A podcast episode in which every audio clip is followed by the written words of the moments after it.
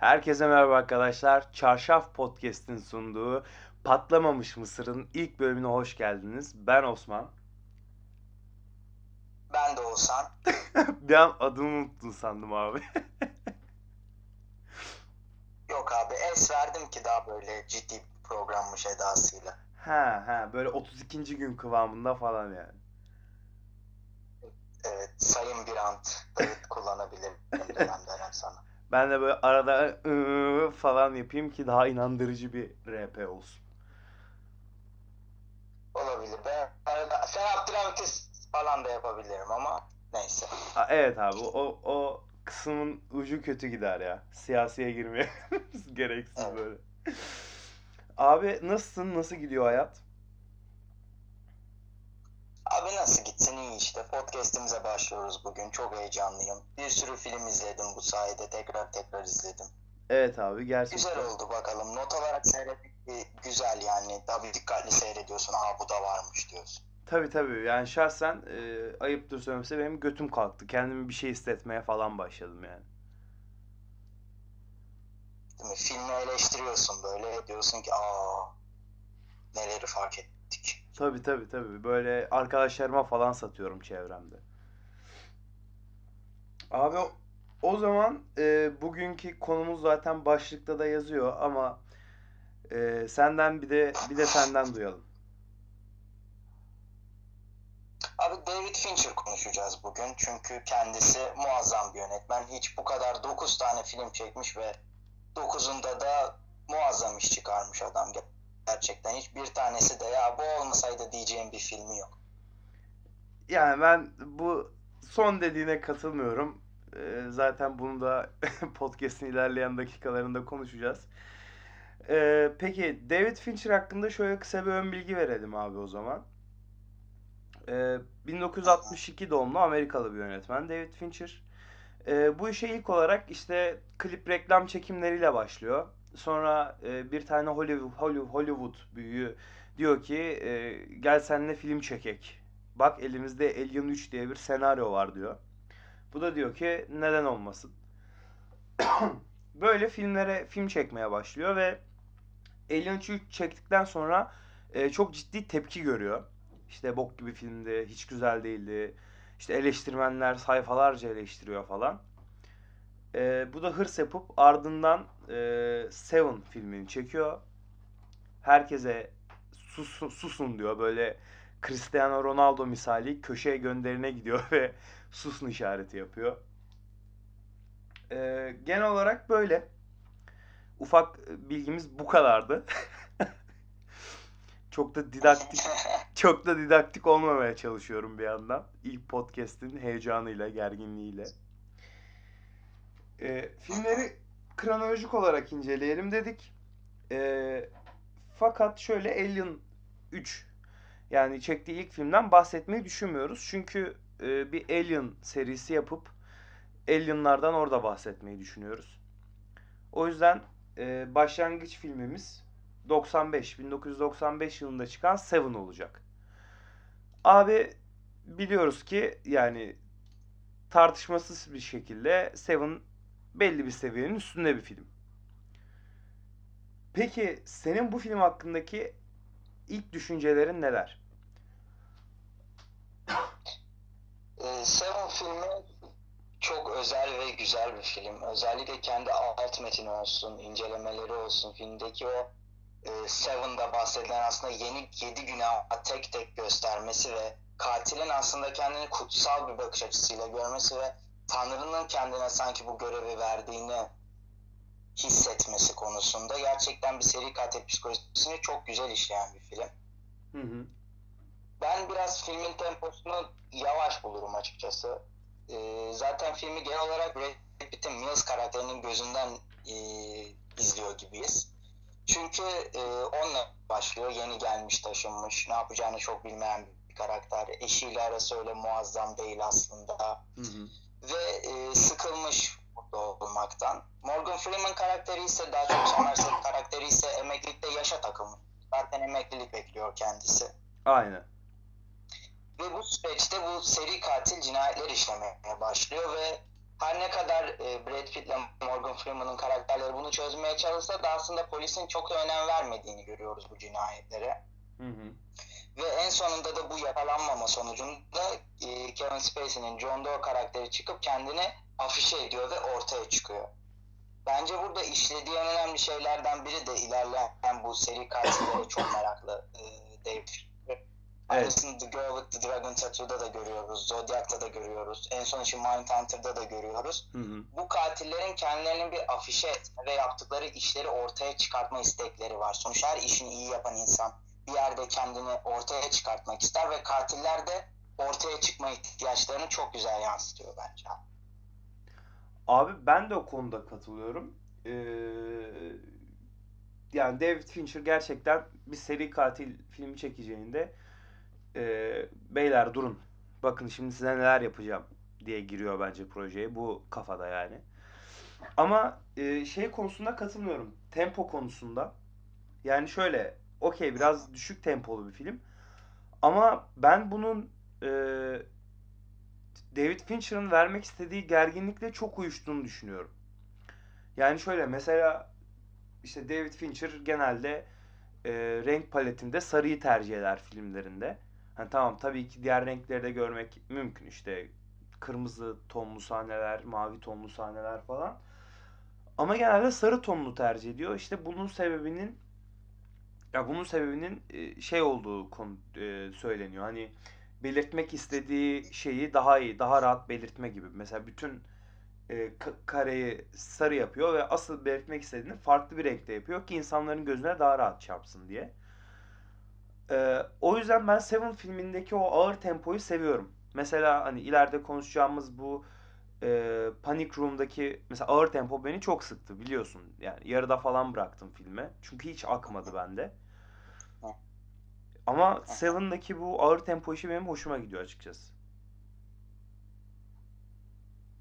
Bu sarı renk paletinin aslında en üst noktaya çıktığı film Seven. İlk filminde direkt adeta yani sarıya boyamış üstüne sanki oyuncuları atmış gibi. Bence de gerginliği çok güzel ve bu yavaş tempo olmasının sebebi ben hoşlanmadım ama yani yavaş tempo özellikle tercih edilmiş. Hı hı. Her cinayette aslında biraz daha o e, aslında bu günahların üzerine gitmeyi gösteriyor. Ama güzel yaptığı e, şeylerden biri de şu. Bu kadar seri katil işi çekmesine rağmen asla seri katilleri hayran olacak bir karakter olarak göstermiyor. Evet. Burada da yani Kevin Spacey karakterine bakınca "Aa, adam haklı. Bakın yedi günah yapmamalıydı işte. Obur olmamalıydı işte. Kibir çok büyük günah gibi bir şeyden daha çok Hı hı. bunlar tamam kötü şeyler ama yani insanları da bu kadar canice öldürmeye ne gerek varı çok güzel veriyor. Evet evet. Ve e, şöyle bir örnek verebilirim işlerinden de birleştireyim. Bu Mindhunter işinde e, e, psikopatların ve seri katillerin psikolojilerine giren ve onları işte davranış bilimi özelinde tanımaya çalışan bir ekibi anlatıyor. Hı hı. Ve bu ekip de bu e, psikopatları tanırken ilk başta hayranlık uyandı- uyandırıyor. Fakat sonradan bu insanları tanımaya başladıkça onların da psikolojileri bozulmaya başlıyor. Yani aslında seri katiller özel insanlar değil. Aslında bunlar bu hastaları ve deliler. Bunları anlayabilecek durumda değiliz. Gerçekten çok güzel işliyor David Fincher. Ya evet. Zaten bence olması gereken de o. Ve hani çok güzel bir yere de değindin. Mesela benim Seven'la alaka- alak- alakalı en çok sevdiğim şey bu. Yani aslında filmin filme baktığımız zaman kazanan bu kendini kutsal sanan katil arkadaşımız. Kevin Spacey'nin canlandırdığı karakter. Aslında kazanan o. Adam sonunda istediğini elde ediyor. Ama buna rağmen yani kazananın o olmasına rağmen bize yine de bunu övmüyor. Yani yine de "Abi bu bir saçmalık mesajını veriyor. Yine bize bunu söylüyor yani filmde. Ve şunu da söylüyor. ne kadar kendini üst düzey görmek istese de kendini bir cezalandırıcı olarak görmek istese de belki işlediği yedi cinayet için kendi haklı bir sebep bulsa da en sonunda o dikkati çekmek için kendini yakalayamayan polisin eşinin e, başını kesiyor ve aslında onun ne kadar sadece ilgi meraklısı bir manyak olduğunu da o e, kutu sahnesinden de anlamış oluyoruz. Aynen. Aynen öyle. Peki e, şimdi ufak ufak ufak böyle bir oyunculuklara da değinelim istiyorum. Çünkü malum ikimizin de e, fetişi durumunda olan Brad Pitt de var bu filmde. Ee, abi ne diyorsun? Ben Brad Pitt'in bu filmdeki Bence- oyunculuğuna bayılırım. Bence çok fazla sürükleyen bir oyunculuğu yok yani. Brad Pitt daha böyle sıkılgan, işte daha ne yapacağını bilemeyen bir polis rolünde ve böyle sürüklemekten daha çok o sıkılmışlık hissini bize vermek için uğraşmış bu filmde Hı hı. ve çok başarılı olmuş. Evet. Ama bir tabii ki de Fight Club gibi Tyler Durden'ın abi çok iyi adam ne kadar da iyi değil ama Seven'da o kasveti bize geçirme konusunda çok başarılı oynamış. Evet. Yani Ben hele de sana Kevin Spacey efendim sapık abimiz gerçek. Kevin Spacey yani kendisi büyük bir sapık ve evet. adeta katil ama gerçekten sapık bir katili de nasıl içselleştirmiş. Yani büyük ihtimal rol yapmadı bu filmde ama o zaman bilmiyorduk. Abi gerçekten yani böyle Kevin Spacey iyi oynuyor yani bu filmde gerçekten iyi oynuyor. Adam zaten oyunculuk yani profesyonellik anlamında beğeniyorum. Ama etik olarak adamı övemiyorum. Yani şey e, bazı noktalarda içim cız ediyor böyle. Diyorum ki Osman sus yapma. Zaten Morgan Etik noktası değil bence sıkıntıda. Adam gerçekten e, sapık bir katil. yani bunu anladık şu an bir 40 yıllık kariyerinden sonra. Bu adam bence rol yapmıyor bu filmde. Kendisini oynadığını düşünüyorum. sadece birazcık daha durgun bir halde yani. Aynen bir saçımı kestireyim demiş. Normalde daha saçlı böyle bir katil bence. daha, daha saçlı bir katil. Peki Bence abi. Kel değil. Peki abi Morgan Freeman özelinde zaten bence bir şey söylemeye gerek yok. Yani Brad Pitt'le olan uyumu, fi- filmdeki yani o jestleri, mimikleri falan ses tonundan zaten bahsetmiyorum. İşte duyguya girişi, karakteri gerçekten bize yedirmesi. alttan alttan. Efendim? O hani böyle esner gibi konuşuyor ya Morgan Freeman. Bir alttan alttan geliyor sesi. Tabii tabii o müthiş tokluk, o seksilik gerçekten bazen beni de delirtiyor falan abartıyorum böyle. Peki. Peki Seven hakkında son böyle dile getirmek istediğin, söylemek istediğin bir şey var mı? Abi ilk film olarak yani Alien'ı bir kenara koyarsak yani ikinci filminde hemen bu kadar üst düzey bir başarı elde etmesi aslında David Fincher'ın ne kadar özel bir yönetmen olduğunu da bize gösteriyor. Yani daha bu filmden abi David Fincher filmine gidileri çok güzel veriyor bence yönetmen açısından. Kesinlikle abi ve hani sadece bununla da kalmıyor. Üstüne çıkarttığı şimdi konuşacağımız The Game sonra çıkarttığı zaten hani herkesin bildiği Fight Club. Yani adam 90'larda bence gerçekten çok büyük işler yapmış yani. Peki o zaman eee 97 yapımı The Game oyun filmine geçebiliriz diye düşünüyorum. Ne diyorsun? Geç, geçelim. Abi ben bu Bu filmde filmini ben yeni 20 dakika önce gittim. benim de 2 saat falan oldu bitireli. Abi ben şeye bayıldım. Yani e, seks bağımlısı abimiz Michael Douglas Douglas'ın oyunculuğuna bayıldım. Bayıldım yani. Bence e, ya benim en iyi ilk 10 performansıma, ilk 15 performansıma girebilecek bir oyunculuktu ya filmdeki.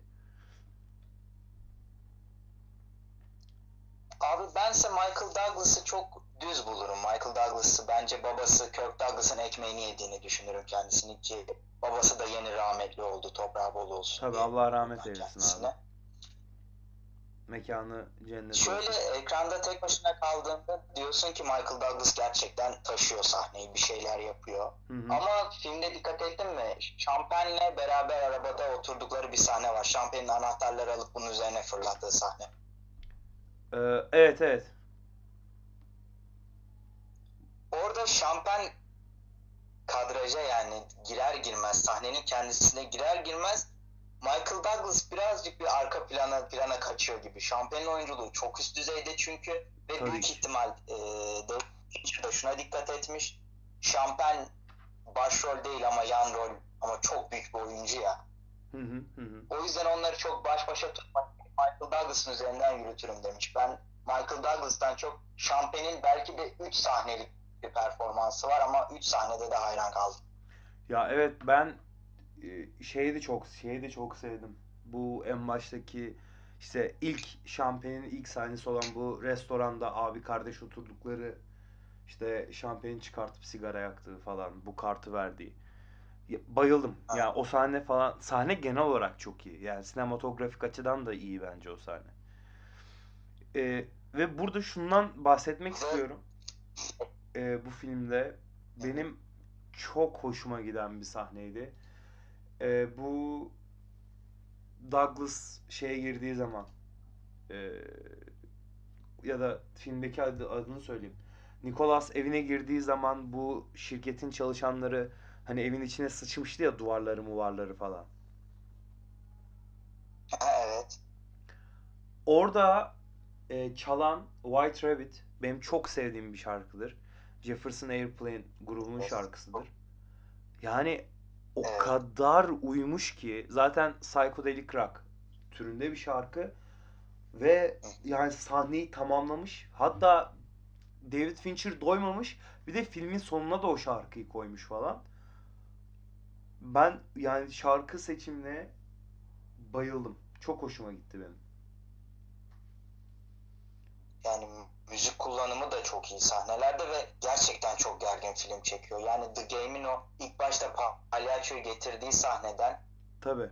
ben ufak gerildim. Yani bana öyle bir oyun yapsalar ve kapımın önüne palyaço koysalar ben arar derim ki ben böyle bir oyun istemiyorum arkadaşlar ben korktum. Gerçekten abi yani sıçarım derim.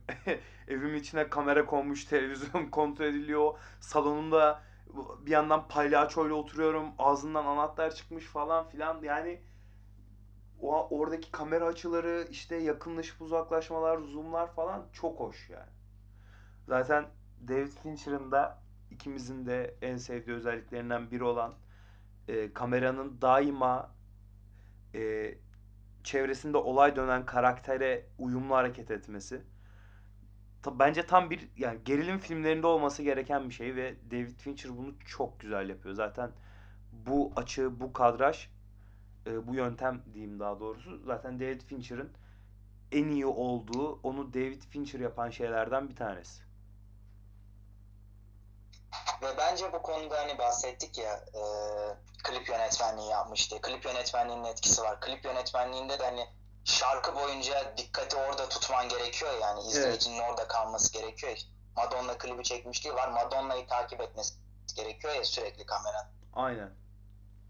Bence onun büyük bir faydası var ona. Evet evet bunu bu benim de aklıma geldi. Peki biz böyle direkt hiç filmden bahsetmeden direkt şeye girdik. Pataküte yorumlamaya girdik ama böyle film hakkında böyle minik bir özet geçsene bize. Abi The Game zengin bir adamın, klasik kapitalist bir adamın e, kardeşi bir doğum günü hediyesi vermek istiyor adama ve doğum günü hediyesinde de diyor ki bu şirketle anlaş sen şirket de işte sana hediyeler verecek. Yani hediyeler verecekten kastım bir oyun oynayacak sana ve bu oyun sonunda da işte hayatın değişecek, hayata bakış açın değişecek diye bir oyun var ve bu oyun sırasında adam evini kaybediyor, parasını kaybediyor, bir gün Meksika'da uyanıyor. En sonunda da böyle kardeşini kendinin öldürdüğünü düşünüyor ve intihar ediyor. Hı En son sahnede de şunu fark ediyor. Meğerse işte kardeşini çok seviyormuş falan. Sahip oldukları hoşuna gidiyor.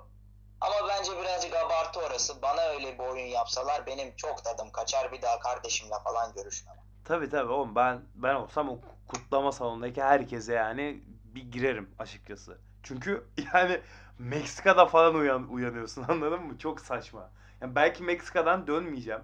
Belki diyeceğim ki okey tamam gerçekten ben bir salağım bu şirkete okey dediğim için deyip Meksika'da dönmeyeceğim ve uyuşturucu kaçakçılığı yapacağım yani. Nereden bilebilirler bunu? Ya o da değil. Belki Meksika bilmediğim etmediğim yer. Nerede uyandığım belli değil. Belki benim contamı değiştirecekler orada. Tabii abi ba- bana şaka yapıp tarla başında uyandırsalar ben tarla başının ara sokağından nasıl çıkıp kurtulayım? Tabii abi ben şahsen ya ben zaten hele bu tiple miple falan çıkamam. Hiç imkanı yok da. Abi peki. Ben bir de yoğurt gibiyim. Cebik ederler beni tarla başının ara sokaklarında. Abi peki The Game'i geçmeden önce son olarak demek istediğim bir şey var mı? Yani keyifli bir film, güzel bir film ama yani çok da öyle uçmadım, kaçmadım filme. Yani bir şey böyle çok büyük hissettirmedi bana ama işte yönetmenlik açısından, çekim açısından güzel filmdi. Yani bana bir şey öğretmedi öbür filmlerinin nazara. Ne evet yani benim ilk üç David Fincher filmime girmez. Belki ilk dörde bile girmeyebilir hatta. Hatta ilk dörde girmez öyle söyleyeyim. Ben ben 9'a bile koymayabilir. Yani ya son sıradır ya 8'dir öyle diyeyim. Ha sen o kadar beğenmedin filmi yani. Bir şey olmuyor filmde çünkü beni etkilemiyor yani o yüzden. İyi abi tamam o zaman e, izninle e, ikimizin de en çok konuşmak istediği filme geçiyorum. Hı hı. 1900 Abi işte ne?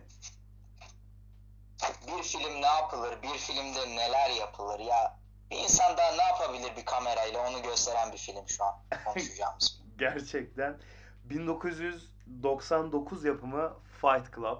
Namı diğer dövüş kulübü filmi. Ee, yani ilk olarak şimdi filmi övmeye geçmeden önce çünkü bu film hakkında negatif bir yorum yapacağımızı ben çok düşünmüyorum.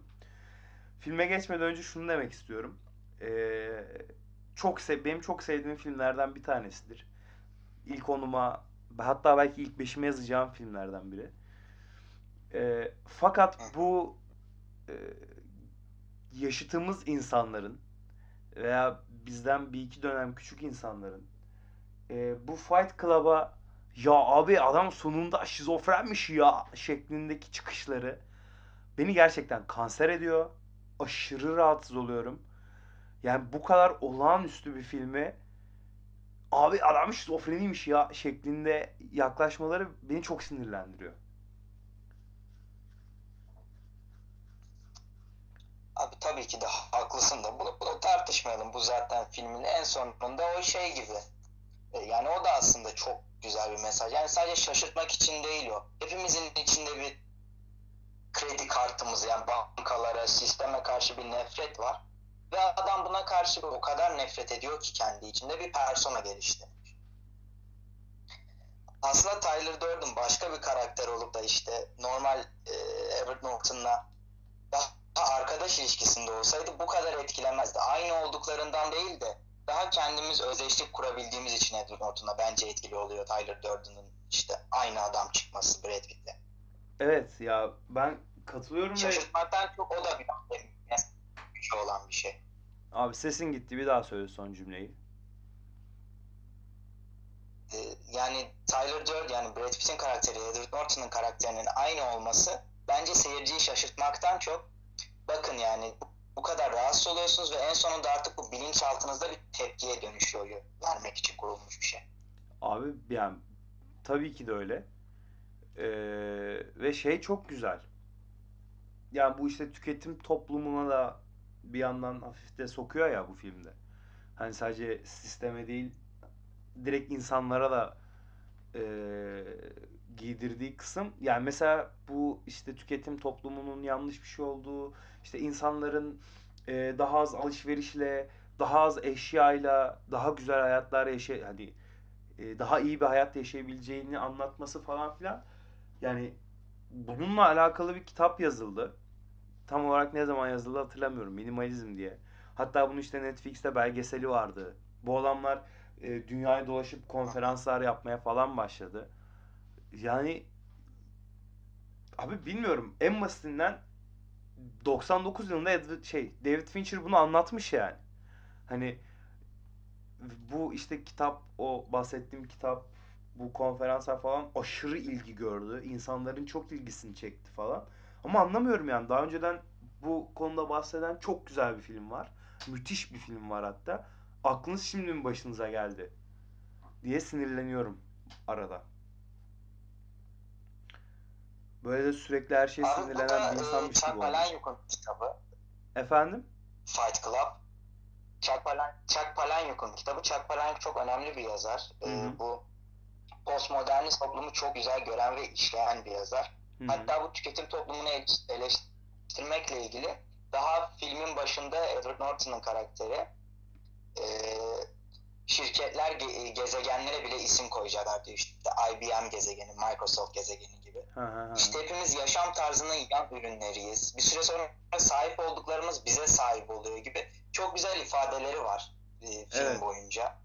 Yani aslında tüketim toplumunun ta o zamandan ve şirketleşmenin ne kadar tehlikeli bir şey olduğunu o zamandan görmüş bir kitap ve bunu Beyaz Perde'ye çok iyi aktaran bir yönetmen var David Fincher. Ve burada da David Fincher'ın şu özelliğini övmek istiyorum.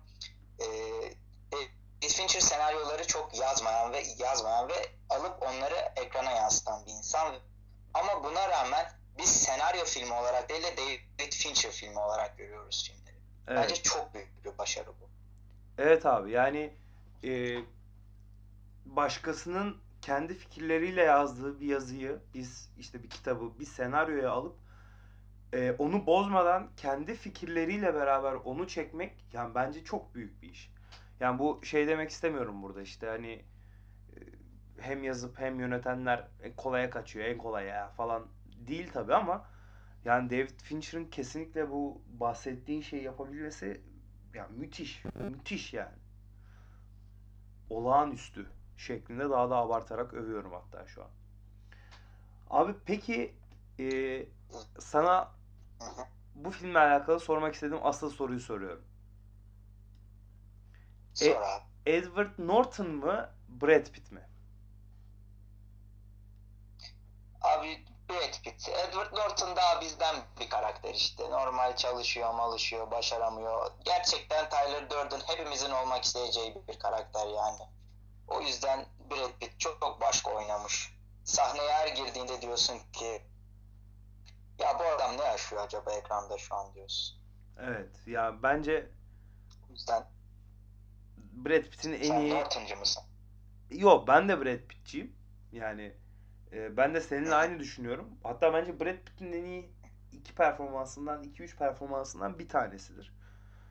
E, fakat nedense böyle film bittikten sonra yani film bütün film boyunca e, işte hani dediğin gibi olma, aslında olmak istediğimiz karakter Tyler Durden olduğu için kendimi böyle bütün film boyunca Brad Pitt'e daha yakın hissediyorum. Hani diyorum ki ulan Brad Pitt abi ne güzel karakter bu ya falan. Ama film bittikten sonra da böyle bir şey ol, ol- oluyorum. Yani 3-4 kere falan izledim ben Fight Club'ı. Her bitirdikten bitirişimden sonra da ya diyorum ki Edward Norton'da olmak üzücü ya. Hani böyle ezilenin yanında biraz ezilen ya aslında film boyunca. Ezilenin yanında olmak böyle hı. kanım çekiyor. Öyle olasım geliyor. Onun yanında olmak istiyorum. Bu arada şunu da demek istiyorum. Fight Club bence e, dönem dönem izlenmesi gereken bir film. Bence ben dediğim gibi 3-4 kere izledim ve her izlediğimde e, farklı yorumladım filmi ana temadan e, kopmamak e, şartıyla ve her seferinde çok heyecan duydum ve her seferinde kendime daha başka bir şey kattığımı düşünüyorum bu filmle alakalı. Bence de bu filme denilebilecek en önemli şeylerden biri de zamansız abi. Gerçekten ben de dün izlerken benim de dördüncü ya da beşinci izleyişimdi. Hı hı. Bak mesela şey eskimiş. Game filmi bugün izlerken de fark ettim. Eskimiş. 97 yapımı film eskimiş. Evet. Seven eski duruyor. Panic Room eskimiş. Hadi Zodiac e, zaman filmi, dönem filmi falan. Hı hı. Eskimez diyelim. Hı hı. Ama Fight Club yani 99 aradan 20 yıl geçmesine rağmen ne çekim tekniği olarak ne başka bir şey olarak hiç değişmemiş. Yani bu kadar kaliteli kalması gerçekten çok büyük bir başarı. Kesinlikle abi. Kesinlikle. Ben biraz da senaryoya istiyorum Fight Club'la ilgili çünkü çok etkileyen bir senaryosu var beni. Hı hı. Ve katman katman adeta marul adeta bir soğan diyebiliriz bununla ilgili. Peki yani koskoca Fight Club'a Club'ın senaryosuna soğan demen e, hakkında e, Abi katman katman olması daha iyi bir katman ifadesi bulamadım yani. Okey tamam. Fight Club'da Edward Norton'un evi yandıktan sonra e, kendini işte Tyler Durden'la beraber yaşadığı o izbe apar veya şatoya ya da bilmiyorum izbe bir yere götürüyor ya. Hı hı. Orada abi evini yok etmesiyle ilgili çok güzel bir ifade kullanıyor. Hiç ümidiniz kalmadığında özgürsünüzdür diye. Bu Evet. film boyunca adamın bir şeyleri kaybedişini seyrediyoruz ve böylelikle aslında kontrolü Tyler Durden'a, Brad Pitt'in karakterine bırakıyor. Hı hı. Ve aslında Fight Club dediğimiz şey 42. dakikada başlıyor. Biz 40 dakika boyunca adamın kademe kademe, kademe kademe uykusuzluğunu, delirmesini, toplumun içinde yok oluşunu seyrediyoruz. Yani adam kendini iyi hissetmek için yani çok güzel yakalanmış orada da adam kendini iyi hissedip aa ben iyiyim demek için gidiyor alkolikler toplantısına katılıyor, testis kanserleri toplantısına katılıyor, tüberküloz toplantısına katılıyor ve belki de kapitalizmin bize gösterdiği işte bak ya da diğer inanışların bize gösterdiği bak sen kötü değilsin, iyisin aslında neler neler var. Onlara bakıp kendini iyi hisseti o sahnelerde çok güzel verdiğini düşünüyorum. Çok güzel yazılmış oralar. Kesinlikle abi. Hani bu klasik geyik vardır ya işte dışarıda neler neler var haline şükret falan. Yani gerçekten bize bu dayatmayı çok iyi anlatıyor. Hatta işte e, nedir onun adı? E, Marla karakteriyle falan bugün kavgasına giriyor.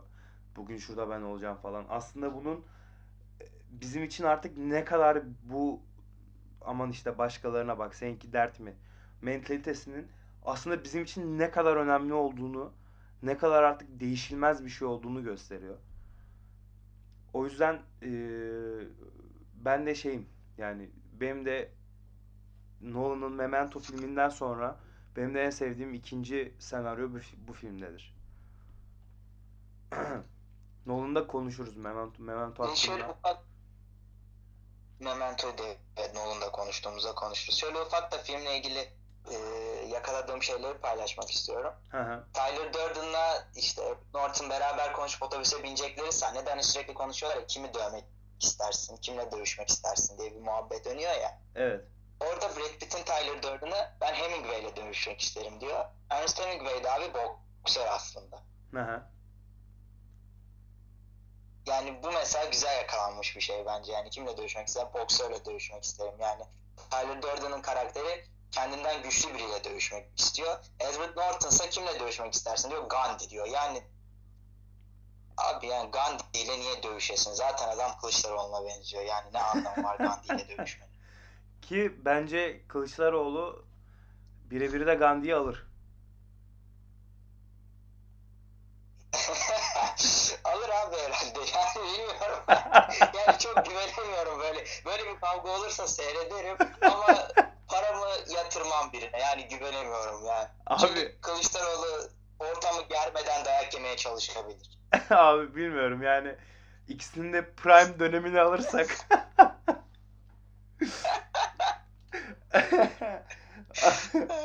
İkisi de yürüyüşleriyle meşhur. Biri Ankara'dan başlar, diğeri Mumbai'den. Ortada buluşup geçirler.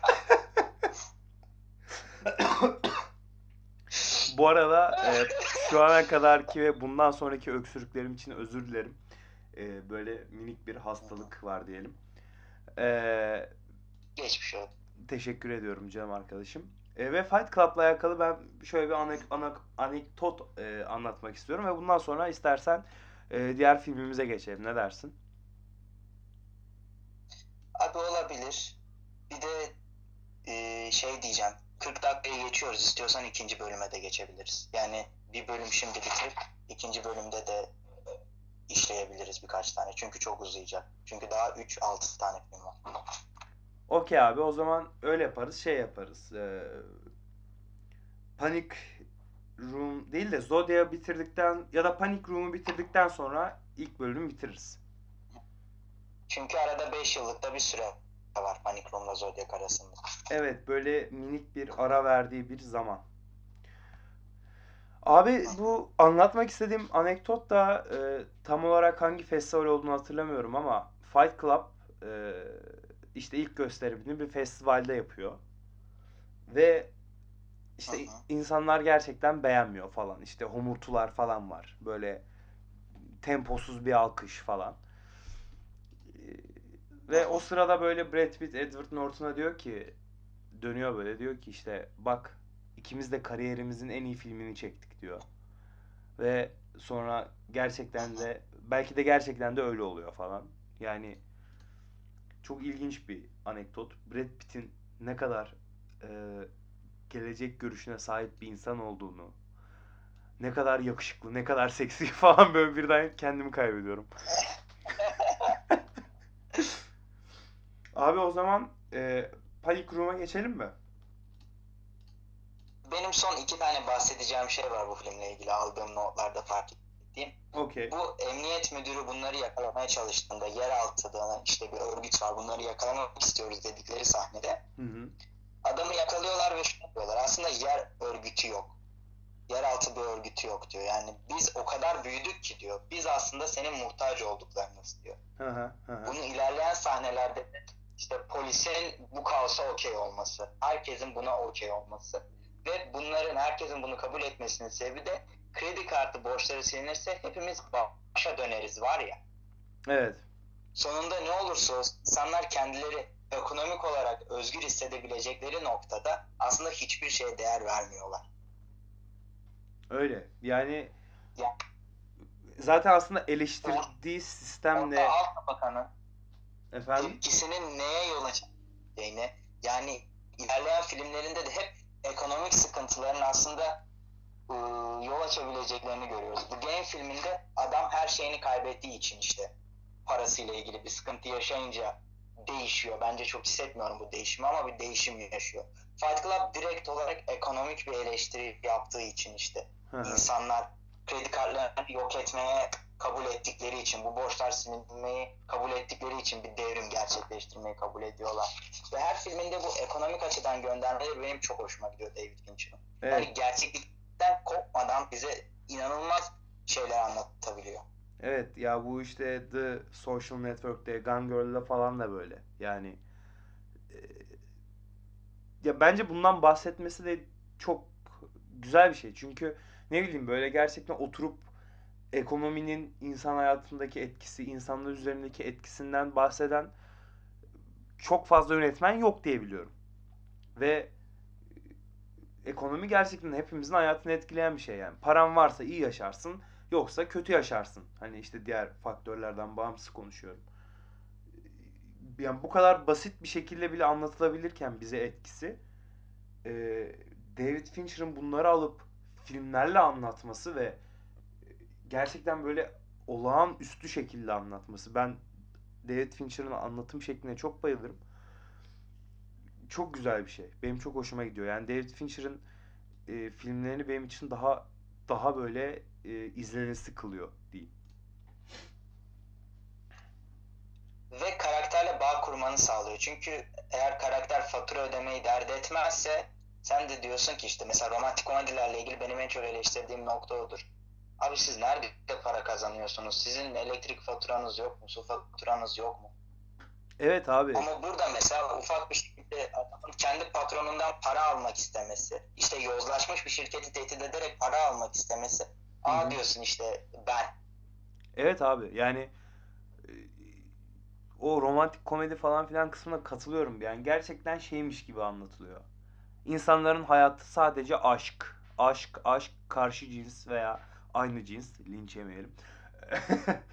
Eee, işte işte flört, flört, işte sevişme, sevişme falan. Abi bu değil hayat yani. Hani okey bu da var hayatın içinde ama bu değil sadece. O zaman Gerçeklikten kopartıyor. aynen öyle. O zaman geçiyorum Panic Room'a. Geçelim Panik Room'a. Sen bitiremedin filmi. Evet, aşırı sıkıcı bir temposu vardı. Ve yani bunun sebebi şey değil. Yani bilmiyorum hani şeyden sıkılmadım işte böyle kamera açılarının ağır falan filan da değil. Ee, ya hikayeyi okudum. Aslında hikaye de güzel bir hikaye. Ama yani filmin ilk 25 ilk 20-25 dakikasındaki o Kristen Stewart ve Judy Foster'ın oyunculukları ya bilmiyorum filmin devamında nasıl oluyor. Çünkü gerçekten tahammül edemedim. Yani beni o kadar sıktı ki o karakterler beni o kadar baydı ki dedim ki yok ben daha fazla tahammül edemeyeceğim bu filme dedim. Ee, ve özür dileyerek bu filmi yarıda bıraktım yani.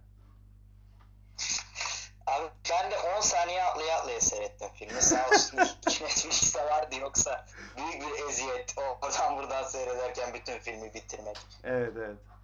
Ama e, filmle ilgili sonuyla ilgili spoiler veriyorum bitirmezsin diye düşünüyorum zaten muhabbetin hepsi spoilerlı. Filmin sonun sen Jared Leto'nun öldüğü sahneyi falan gördün mü? Yok ha ben ilk 20-25 dakikayı izledim o kadar. Abi iyi, ama içeri adamların girdiğini gördün? Evet evet içeri 3 tane adamın girdiğini gördüm. Jared Leto'nun e, müthiş Abi- örgülü saçlarıyla. Evet. Yakışıklı abimiz. Fight Club'da da var gram konuşmuyor. Fight Club'da da sadece dayak yiyor sahneler. Ve ve hardcore falan yiyor yani. Ağzı burnu yamuluyor gözü falan şişiyor. Burada da ölüyor bu arada yani. Abi Fincher Fincher'ın Leto'ya bakışı böyle demek yani. abi. Bir daha söyle. Whitaker Burn karakteri işte. Hı hı. Bu en son paralara bir şekilde ulaşıyor tamam mı? Hı hı. Bu sırada ama karakterlerle bir bağ da kuruluyor aynı evi, aynı evin içinde gezerlerken ve gelip o maskeli karakteri öldürüyor. Okey. Öldürdükten sonra da polis bu adamı yakalıyor ve içinde böyle bonolar var. 20 milyon dolar değerinde bono var elinde. O bonolar böyle etrafa sa- e, savruluyor. Para da gidiyor. Bu da yakalanıyor. Ve David Fincher'ın bu Seven'da hani seri katil övmemeyi ve seri katiller kötüdürü burada ise iyi bir amaç uğruna da yani birini öldürmek seni bir kahraman yapmıyor. Yani sonuçta cinayet işledin. Bundan kurtulursa biz adama aa kurtuldu bak ne kadar iyi oldu diyecekken hayır diyor David Fincher. Ne olursa olsun birini öldürdüğünüzde siz bir katilsinizdir. Parayla da kaçamazsınız bir şey de yapamazsınız diyor. Abi Bence sonu çok güzel. Onun dışında Panic Room böyle şey izlenebilecek bir film. Evde böyle arkada hani böyle kafelerde falan koyarlar ya arkaya bir film dönsün diye. Panic Room o filmlerden biri bence. ya evet yani bu bu bence biraz şey. Bu arada benim Fincher'ın gerçekten hani filmlerine sıralama yapsam en sona koyacağım bir film. Zaten bitiremedim de filmi. Yani bu biraz şey böyle hani e, sevgiliyle işte mısır patlatıp bir açıp işte vakit öldürülecek film yani bu. Evet. Zaten bu filmden sonra da belli ki çok kötü eleştiriler almış ve 5 sene film çekmemiş adam. Yani gerçekten adam demiş ki ben herhalde benim bir kafa toplamaya ihtiyacım var. Ya ben normal abi adam 3 tane üst üste çok iyi bir film çekiyor ve bir tane de bu girsin araya yani. Hani göz ardı edebilirim. Tamamdır. İstiyorsan ilk bölümün sonuna gelelim ha. Zodiac'la da ikinci bölüme başlarız. Evet ben bu arada ikinci bölümde de çok güzel şeyler anlatacağım. Çünkü e, nedensiz bir şekilde Zodiac ve Gone Girl'de ben aşırı yükseldim. Anlamsız bir yükselme hatta yani bu. O Ben- yüzden ikinci Ben bölümde Göl'de bahsedeceğim şeyler de var. Benim ben Ben Göl'de aşırı gerildim. Aşırı korktum. Hele sonunda gerçekten çok korktum. Bir an o kadın benim evimde zannettim. Bir günde 9 Eylül diyor. 9 Eylül'de doğum günüm. Aşırı korktum. O günü görünce kadın benim evimde. Neyse abi bunları ikinci bölümde konuşuruz. Son böyle söylemek istediğin bir e, kapatma mahiyetinde şeyin var mı? Abi Fincher'ın işte bu ilk 7 yıllık dönemi. Çünkü ikinci 7 yıllık dönemine geçeceğiz. 2007'den 2014'e, 95'ten 2002'ye kadar. Hı hı.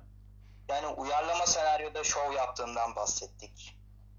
Kameranın takibinden bahsettik. Yani gerçekten örnek aldığımız bir insan kendisi. Evet. Teşekkür ediyoruz sinemayı yaptıklarından şimdi. Evet, buradan e, ben de teşekkürümü edeyim. Belki bizi dinler falan. Peki e, Türkçe öğrenir belki yani der çocuklar konuşmuş beni. bu iki tane salak. Peki abi dinleyicilerimize bu ilk podcast'imizin sonunda bizi dinleyen, hatta belki de podcast'in burasına kadar gelebilen birkaç kişiye ne demek istiyorsun? Çok teşekkür ediyorum kendilerine. Zaten büyük ihtimal arkadaşlarımız dinler. Buraya kadar dinleyen varsa bana mesaj atsın. Abi büyük, Dinledim buraya kadar diye. büyük ihtimal benim hiçbir e, in- çevremdeki hiçbir insan bu podcast'i sonuna kadar dinlemeyecek. Bunun da bilincindeyim. Aa, aa. Bu- buna güvenip Ben güveniyorum birkaç tanesine. Zorla dinletirim. bu bir şey söyleyeceğim. Bu dediğime güvenip hepsine sallasam ya. Siz zaten hiç arkadaşım değilsiniz falan. Hiçbirinizi sevmiyorum. Allah kahretsin. Hepiniz bir dolandırıcısınız. Abi o zaman kapatıyorum. Ahmet 500 lira aldın hala vermedin. Abi o zaman kapatıyorum. Kendine iyi bak. Tamam kapat abi. Ee, Sen din- de iyi bak. sayın dinleyenlerimiz de kendine iyi baksın. Ee, hepinizi seviyoruz diyeceğim. Kim dinliyor, kim dinlemeyecek onu bilmediğim için diye, diyemiyorum da. Ee, iyi günler diliyorum.